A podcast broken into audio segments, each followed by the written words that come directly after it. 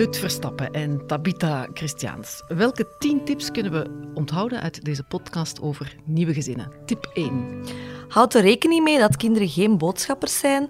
Communiceer vooral zoveel mogelijk met beide ouders en niet via het kind. Tip 2. Maak je planning ruim genoeg voorhand. Kinderen hebben al de rol van manager en hebben het moeilijk om zich te organiseren. Maak het hen niet nog moeilijker en geef hen en de ouders ruim tijd om zich te organiseren. Tip 3.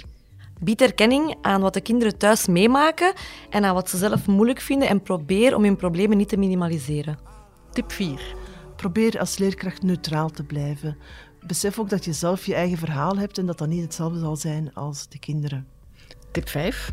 Gebruik dagen als moeder- en vaderdag als een kans voor een open gesprek en laat kinderen meedenken over de uitwerking ervan. Het is een moment om dieper in te gaan op hun gevoelens en rekening te houden met wat voor hen goed aanvoelt. Tip 6.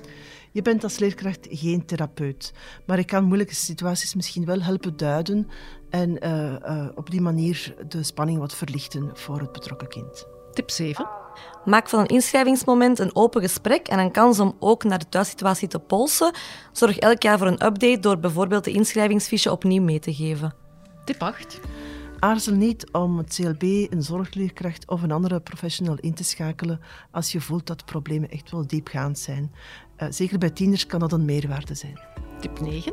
Durf als leerkracht ook jezelf te zijn en je eigen verhaal te delen en over je eigen gevoelens te praten. Dat kan ook een aanleiding zijn voor de kinderen om een bepaald thema open te trekken. En tip 10. Als een leerling jou in vertrouwen neemt, spreek dan duidelijk af welke informatie echt tussen jullie blijft en welke informatie volgens jou toch echt naar de ouders zal moeten gaan, zodat hij dat duidelijk weet.